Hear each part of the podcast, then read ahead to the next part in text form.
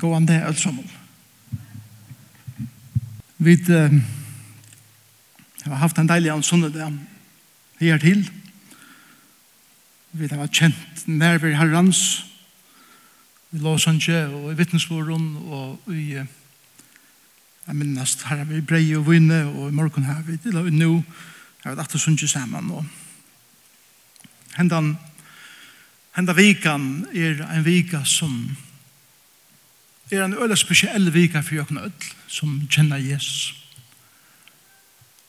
Og et som er alltid en stor fresting hessa viken at det er at løyve køyrer akkurat løyga vujere tjåken og vi er fullt opptidgen vi er kanskje kjalt fullt opptidgen vi er genga møter eh, av påskum sånne møter er vi ikke tega tøy til at reflektera sjálv iver hos serstøk hendan vikan er. Og jeg vil bare etja okken ötlun til at um, Tess meira vit hugsa om det som Jesus har gjørst fyrir okken, og tess meira vit akkar som få innlit inn ui det stor hendingarna som hendu hesa vikna. Og alt som leidde upp til at Jesus var krossfestur, og det djupa sorgen og vognløse og i tøy eh, særlig at vi tog så om de som opplevde det her første fyr vi er det her privilegiet og eisen samtidig kan man sige eh, det her forbannet i hverandre jeg vil kjenne alle søvnene så vel ah, ja, vi, ja, sånn der kommer og vi er akkurat som føler ikke velja det som ber Jesus og eisen lærersvenner, og det som var vi honom følte. Og jeg vil bare ikke åkken hese vikene til at som hver dæver kommer at lesa at det er så sørste kapitlene og i øtlen evangelien og bruka tøy og i årene selv og hula i iver hva var det som Jesus gjør til hele det her Hva var det som han sier? Hva en tøtning hever det som han sier, bæge og hans rett ratoi, men eisene for okkon og for meg sjolvan og i det. Så kjære tid som er i morgen, det er okkon kursi vera nøkker som sier, jeg vil tega tog i hese vikna. Og jeg får ikke løyva resenen som er om min løyve og som hever hoa kom innan mitt løyve at heka eller rena det her fra meg, at jeg vil være vi fri. Derfor er det avvarska akkurat syndene, derfor er det avvarska akkurat blodtrust. derfor er det avvarska at det mulig er at mulig ting i livet tjaken og ikke minst heter at, at læra og at doa at hulaja. for meg, eller for nek, så, så ser vi at porsjene byrja i det, stilla vika byrja i det. For meg, byrja i nasundra åren, ta i leser i jøkken evangelien, og for at akkur som at hula jeg synder om det og det. At det hender noen utrolig ting åren på meg sånn det. det men så gjør Palma palmasunden det enda vekrere og eisende vikene som kommer. Og for meg begynner eh, begynner porsjene frutjade, altså sørste frutjade. Sørste frutjade var en helt særlig dæver i livet til Jesus, og det var leier dæver i eisende. Og så er det kommer sånn dæveren, og, og vi kan gå videre. Men jeg halte at tar vi, tar vi akkurat få hessa heldarmyndene av hva det er som Jesus gjør, så, så blir det utrolig rukt for dere. Og jeg får ikke, jeg får ikke få tog i det jeg får ikke noen alle dene. Jeg husker meg at jeg ikke simpelt enn ikke kvann det. Vi har ikke gjort det her i luften. Vi har haft møter først kveld og i Stittlevike. Og kanskje gjør vi det her akkurat slagere. Men uh, la dere slå på Lukas kapittel 18. Lukas kapitel 18, og vers 31 til 34. Jesus har langt sagt, vi lærersvenner sønner, eh, langt i Mattias 16, at «Nå ferdig er til Jerusalem, her skal det være handtidsen, her skal det være spottaver, her skal det være eh, huflongter og krossfester, men tre dagen skal det reise opp. Og det her var det slett ikke finner vi, det er fæta slett ikke det som Jesus sier, Og nå narskast tøyen og punter, og Jesus eh, hever færa sur etter Lukas i Matteus 16, og nå da vi kommer til Lukas 18, så er det akkurat som han sier vi tar ene sett. og dette er antil høstkvöld, etla frutja morgon han sier etter. Og vi leser i vers 31, han, altså Jesus, tog nu hinner tølv tilsyn og sier vittar, vit færa nu nian til Jerusalem. Og alt og skrive er vi profeten og menneskesonen skal genga ut.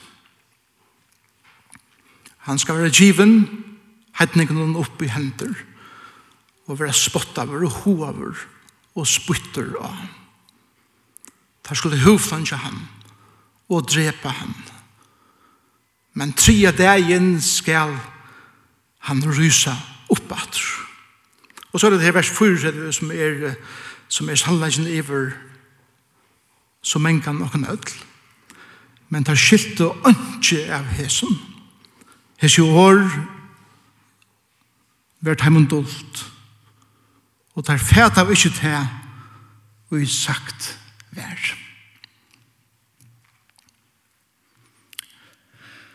Og man har kanskje tendens, tendens til å si, er det ikke utroligt at tar jeg fylst vi Jesus i tro jo at holdt år, kvann det av det ikke vi innom, og tar jeg se han gjør under, tar han hørst han undervist, tar jeg vi nær, og han lukker av det her, ikke essensen av det som Jesus kom med gjøre. Og ta i ikke at min egnet løyve, og jeg sikker at ta i vidt at ikke at egnet løyve, så tykker jeg vi kunne på nekka måte si det samme. Vi talte at vi kjenner nekka skriften, men Ta det kommer til essensen av hva det er som Jesus gjør det, og eisne hva tøtning til hever i okra løyve. Så, så ma er kanskje vikinga mennkane at ta, ta i hukse om ta immunen, immun til hvordan er livet. Så, hev, så hever det ikke akkurat som sett seg så djupt i mina sal at det verlige avvirskar mitt liv. Så, så leser vi uh, i uh, kapitel at Jesus kommer til Jericho. Så nu, når han kom, Jericho er hemsens eldste byer, og han er hemsens lagste byer. Så tog Jesus sier vi der som han vil fra nian til Jerusalem. Jericho ligger cirka 400 meter under havflatene, og Jerusalem 800 meter iver havflatene. Så det er en, det er en brattor tur nian, og det er en, en farlig tur nian, til rånsmenn og alt lov her, minnes lukkene som Jesus fortalte om muskelsamme samverjan. Men det er jo i Jericho. Jesus veit at han fer nu inn i sin sørste vikene, og han fer djeva sitt liv. Hva det er av hans her tanken? Og vet du hva han møter dem? Han møter en liten mann som heter Zacchaeus. Jeg vet ikke om det er noen hukse om det over. Jesus hittar Zacchaeus frutja dem. Nasta frutja dem langt hunger Jesus av krossen. Og det er også man Zacchaeus. Zacchaeus, det var sikkert, en av tar Jesus hever i tjenesten i ett år, så, så hitt jeg Zacchaeus. En av vik i 18 år, han er jo tåsa vi Zacchaeus. Zacchaeus hongur Jesus og av Golgata. Og så Keos er his mæren som hører hørst om Jesus, og han fyrir ut, og han fer opp i morbergertreie fyrir a sutja, til at han var lydla vøkstre, og, og fjöldene her akkur som fjallt, det som tjekk fyrir seg. Og Jesus steggar, og tja hese mannen, så Keos var tattlar, Zacchaeus var en maver som ønsken ville ha samfunnet vi. Gjøtene er heta og tottlærer til at han tog skatt fra gjøtene og betalte til romerska staten. Plus det at, at han tog vinning til sin sjolvan, som gjør det han ikke bare en, en tænare til romer, til romer men eisende hoverrykan på at tega penger fra feltje. Og Jesus stegger av vi treje, Og han sier vi Zacchaeus, Zacchaeus, kom nyer ut trenen. Så i det, og så er det griske året som så avhørs her, sier, skal jeg komme hjem til deg? Og i det, må jeg komme inn og ut ut hjem. Og Zacchaeus kom nyer, og vi kjenner søvnene, at, at Zacchaeus, han, han, han, han gjør oss et lyd til Jesus. Og det som jeg vil peke av her, i dette, er at Ta og Jesus er vel Golgata. Så teker han så tøy til den einstega. Og han teker ikke bare tøy til den einstega, men han teker så tøy til de som er utestøyt, og som er hæteie, og som eisen er vel fyre. Og han sier, jeg har en ega berat her, som er nek bedre enn det her som du hever i løn. Og, og, og reaksjonen til Zacchaeus er hentan at Da han kommer til å kjenne Jesus, og Jesus sier at i det er frelsa kommet i vidt heim. Løyva hans er totalt kolveltest. Og han sier at jeg vil djeva heltene av tog som jeg eier til det fatøk, og hvis jeg skilder noen nega som han visste vel han har gjort det, så skal jeg djeva at han fyrfalt atter. Alt røygedømme, og alt det som vær sakkies og utrolig viktig og karst, miste fullkomlig som tøtning, ta igjen jeg finnes jeg enig for hver Jesus vær, og i hans herre liv.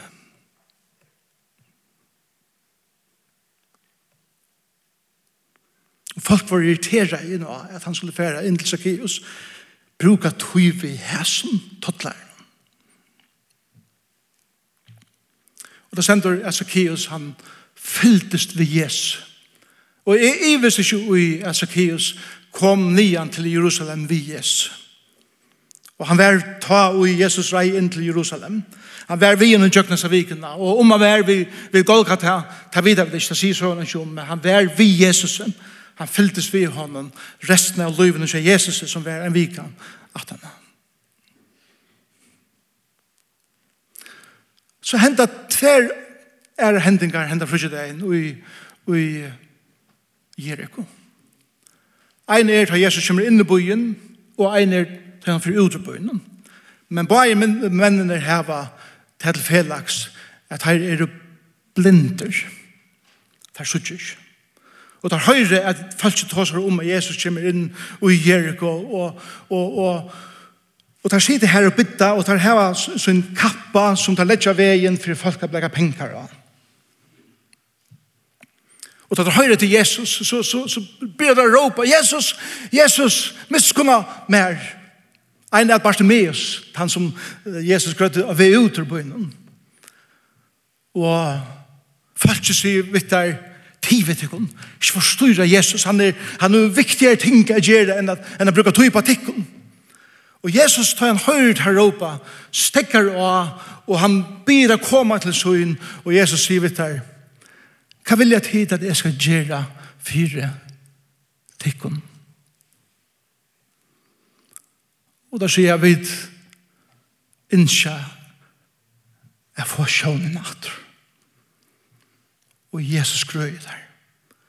Og det stender om Bartimeus eh, at han det stender ut i føreska at han tok kappan av seg og lette han litt Og, og det som, det som, det som Lukas vil fortelle oss er til at det som har størst viri og er viktig for en, og har man over hitt Jesus og kan tøtning han over min løyve, misse tøtningen, det var Zacchaeus. Men hvis vi sørger fyrir okken er tjata han blind, så litt at det er småpengene og kappen tja teimen, til å sitte her og bytta. Og det stender i teksten er at det ryma fra kappen. Det er lett at det er litt etter, og det er fyllt Jesus i etter. Så det som vi læser om, om Jesus er til at av ven nye til Golgata at dødja fra heimsen sin teker han tog at teka seg av beget heimen som er vel fyrir og hava iveflå for jeg brøyta her løyf. Men han teker seg eisne av heimen som ikke hava og som unga vogn hava og i løyven og som er blind og han teker tog at nema vid hei eisne. Og ofte er vi så opptidsen at henne Jesus er, som at det er så utrolig alvorlig at, at Alt annet har anka tuttning, vi har hatt det målet til akon, og vi genga forboi en rikve av menneskjum som er i nei, og som har tørver i løyven, men vi sutter det ikke til vi er så opptidsen at henne Jesus. Og det er ofte det som hender i så sørste vikene, at posten er så opptidsen for jokken. Jeg vil glemme bare til rykken, og de som man ikke damer, og de som er settelsøyes, og de som er blind, hukker ikke bare fysisk blind, men eisen er andelig blind, og blind passer ikke måter. Og spyr jeg deg, hva er det? Som du vilt, at Jesus skal gjøre for det. Så det er bare i hesten hendingen, er det at de religiøse som fylses ved Jesus, som kvestrer at de borster til at de forstyrrer.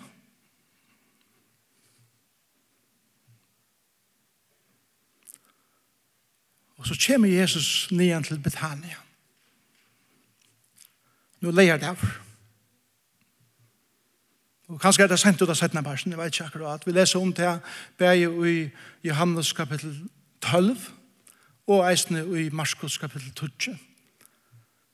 At Jesus kommer inn og et av sted, tja, spedalska Simon, og det her var gjørst han er veldig målt i her fire an, og alt er øyelig, fint dekka og glæse litt å komme inn på alle mater.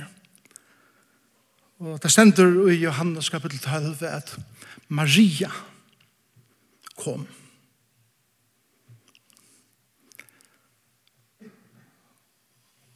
Hvis her hever han en krukke. Og i krukken er nekka medelig virus med tjoi. En alabastors krukka vi nardus salve ui. Nardus plantan vaks ui Himalaya fjallen. Som var en otroliga dyr perfuma. Nardus var brukt til parfume. Det var så tjukt element, nesten som børskeren ur, ur trøven, så tjukt var det. Og det var transporteret i Lutlund, uilødun til alla verina, og hette uiladi herbeint. Kostet en årsløn. 300 dinar. Og, og hon hever tidsi av oss nere, hon er blandat oppi salve, hon er gjørst, og, og det stender i teksten at ta en, ta en kom til Jesus, og hon tog om beinene av Jesus. Tog hun nyer seg salvene, hun og i oppfrånene teksten stender at hon øste jo på beinene av ham. Sparte ikke. Og alle henne religiøse som sier det inne i her, og hitje etter det som skjer øtast vi. For det første er at en kvinna hva bittlar hon seg inn er komma inn her som menn bæra sida og færa så intimt nær Jesu. Og hva bitter han seg inn? Jeg løyve henne til.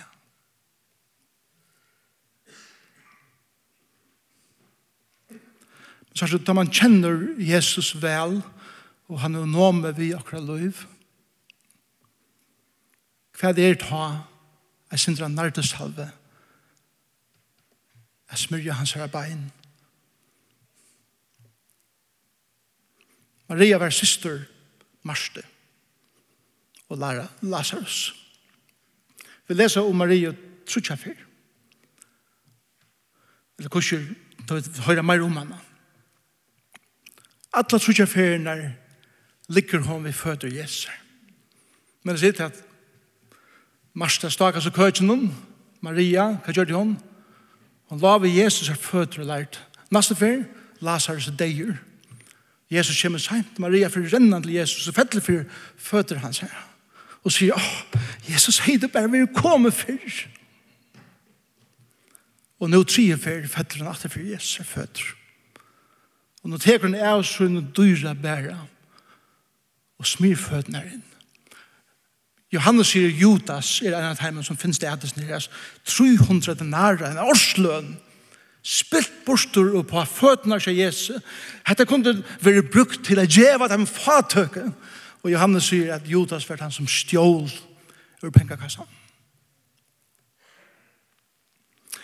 Men det som Jesus sier er tid. Det er bare ein inni her som har fæta hva det er som vil jeg kunne seg Og Jesus sier om Marie og i Marskos. Henda kvinnan, hon gjer meg klara til mina gjerrarfyr. Kære tid kvinner som er her i det. Og i djøknon heimsøvna.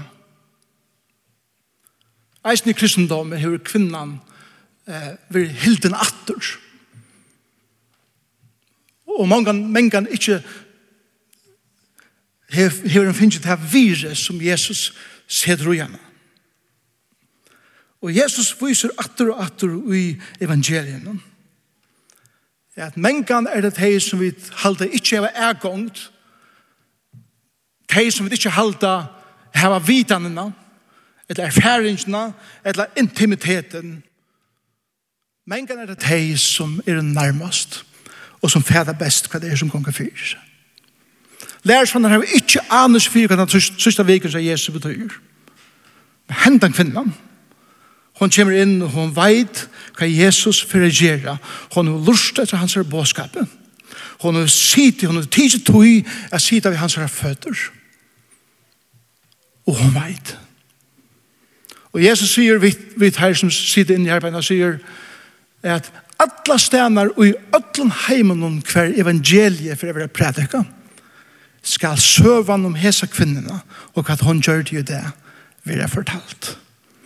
Eisende og i fjerskottene følgen i søvan om hesa kvinnina fortalt. Og det stender at engine fyllte alt rommet som det var.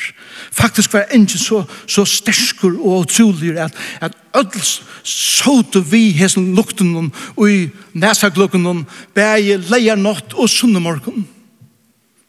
Og sunnumorgon for Jesus tullja føtter og han blir lærer sånn færa og få fæter av sånne her asnen. Så vi låser av fyrre møtene morgon. Og der er Jesus klarer at ruja inn i Jerusalem. Og en som kallar man det for the triumphal entry. Akkur som, som en sigurs marsjer, marsjer inn i Jerusalem. Men spørringen er, er det nå til? For vi vil hitje at konteksten nær. Josefus skriver om hva hendte Palma Sunne der. ikke bare hette året, men kvørst her.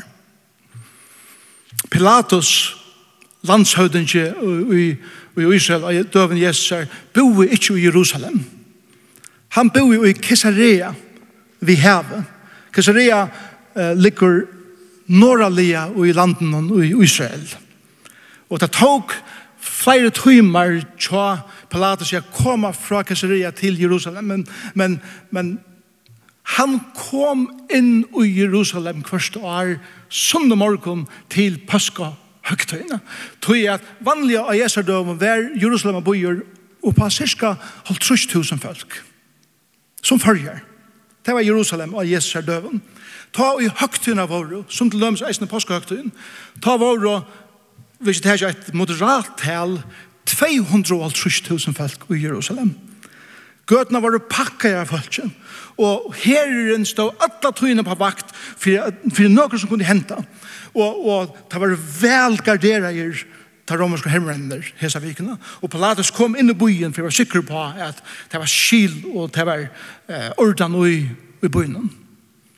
Sunne morgen kommer Pilatus rujande inn i Jerusalem. Og han kommer vi sier Josefus 800 hermånen, bare er fyllt seg selv som en løyvakt.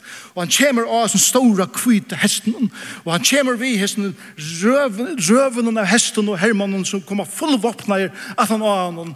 Og, og, og, og Pilatus kommer inn i nord-vest porsen av Jerusalem som enn stender her i det.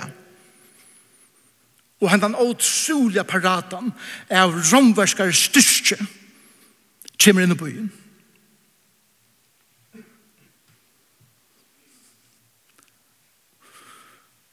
Og kjennes kjensla av makt er i rødlen byen. Og i sår ester parten av byen kommer en neiers hippiere røyende av en esle. Han er Jesus. Og da samtidig så lagt sin at han var at han videre det ikke romerske herren, nekker hermannen som en hitje etter hva det er, hva det er for mannafjøl som kommer om man er oljefjallen, og her kommer en ui, ui, ui klæven som, som unga durt skuyne ut av en esle. Og her er fyrverande blind, og her er fyrverande kriplar, og her er fatøk, og her er kvinner, og her er bøten, og her er rikva falskje.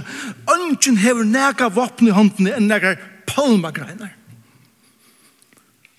Og tar hitja ætisen håpen hon, og tar hugsa, her er ønsken vand.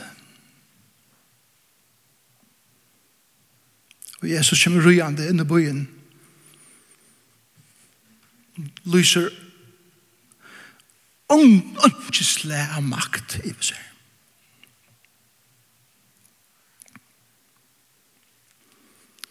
Og falsk råbar, og Hosianna. Sånne Davids. Sikna var han som kommer i navn i herrens. Og til råpe mot folk, og alle er glede, og det er sinja, og, og, og til det hever vogn om nega. Men det som er så utrolig som det ikke hukse om visen her, det er det er tusen år åren for en konger, en av fyr. Gratande ur Jerusalem, nian djøknen oljefjallet, bærsføtter og gratande, fluttjande undan sunne sånne, som at jeg drepa pappa sin. Hvor var det? Det var David konger. David tjekk somalai tusen år åren, gratande, fluttjande fra sunne sånne, som ville teka løyve av seg. Henda dagen, kommer Jesus i samme spår som David. Eimjuker, bråten, og forresten, eisende, gratande. Da man gonger av ved, om man ur, ur, ur og toppen, om man i Jerusalem, så stekker man cirka halva lei, og her er det som vi kallar for Tara kyrkjan. Det er som kongeren, som vi kallar nu Soner Davids. Er det ikke fantastisk? Soner Davids som ville drepa pappa sin. Tusen år, år, år settende. Kjemmer Soner Davids den verlige. Inno i byen, gradant. Så han veit at all tid som stande her og heppa med bare nå skilja ønske av tog som er velja komme her og gjøre. Utan ein. Maria. Maria. Og Jesus græter i Jerusalem. Og, og teksten er så mye ekvistlig. Han sier, trutskjeffer, Jerusalem. Jerusalem, å, Jerusalem. Hvordan mengar hei ikke eng som, som hønan samlar sånne unger, un, unger under sånne vanger. Hei ikke vilja tid til til min. Og han får ta seg om hvordan om noen, noen få år så fyrir som byren og etter tempelet og etter muren er litt av i sår. Men det som hese falsen røpte om innas inne var nå for kongren å komme, Jesus, som vi halte er en politiske figurer. Jeg gjør enda av hinen som rei inn i nord-vesterporsen Pilatus. Nå for han at jeg er iver. Og Jesus han græter og han sier Jeg har nekka som nekk meir i hova enn bare at jeg er iver en kong. Og det som de helt skulle være en politisk konger, var kongen av konger. Han som de helt skulle krossfeste Pilatus, var han som sjálfur for på krossen. Det som de helt at Jesus skulle gjøre enda, lese sjálfan, negla og utsikten hender og føtter. Tog at han heia en større visjon enn bæra det som vi sutja. Og det var reflektere i hesson at av ved å gjøre det som Jesus gjør det, tog han seg tog til å være om einstaklingar, Zacchaeus, og Bartimeus, og hin blinda, og Marie, og ødles mennesker som hadde tuttning i hans løyve. Og måtte være så jeg vidt hesa vikene, Kjøpt om vi er sammen som store håpar av folk av samfunnsmøtene og så videre. Jeg vet er som Jesus, og vi huksa om hvem kan jeg hesa vikene personlig være om. Som ikke kjenner Jesus. Eller som ikke er blinder. Og hvordan kan jeg hesa vikene lære at sutja meir? Om hva det er som Jesus vil i min liv. Og tåre at teka av tog som kostar meg nek og offre det til ham.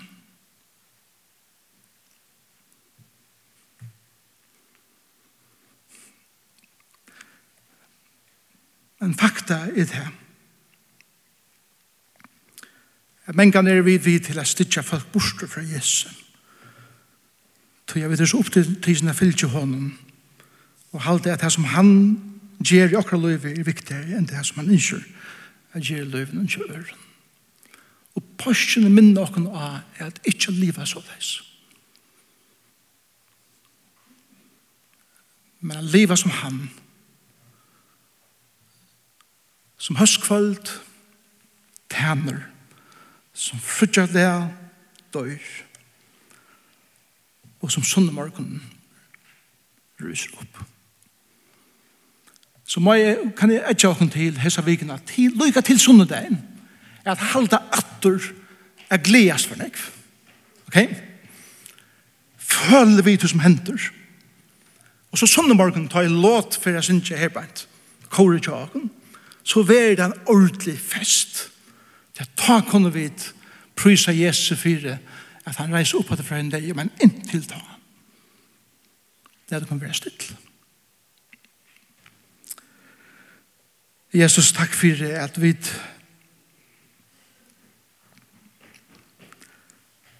Ofta halda vid at ting er på en særlig måte som som vi gjør det til, og så tar et alt kjent alt, så er det på en helt annen måte. Triumphal entry, eller siers rynjen inn i byen av Nesle, for ikke noe som helst siers løte, at han hatt som følt jo også i det. men det var en syrsløda for det. For det oppfyllte det som profeterne hadde peiket av, skulle det hente. Og du tjekst alle leiene ut av Golgata. Jesus hjelp okken hese vikene at liva kvønde er og i meditasjonene eller i holeingen sammen vidt her ensamhet. Jeg føler og at hukse om hva du gjør det kvønde er hese vikene.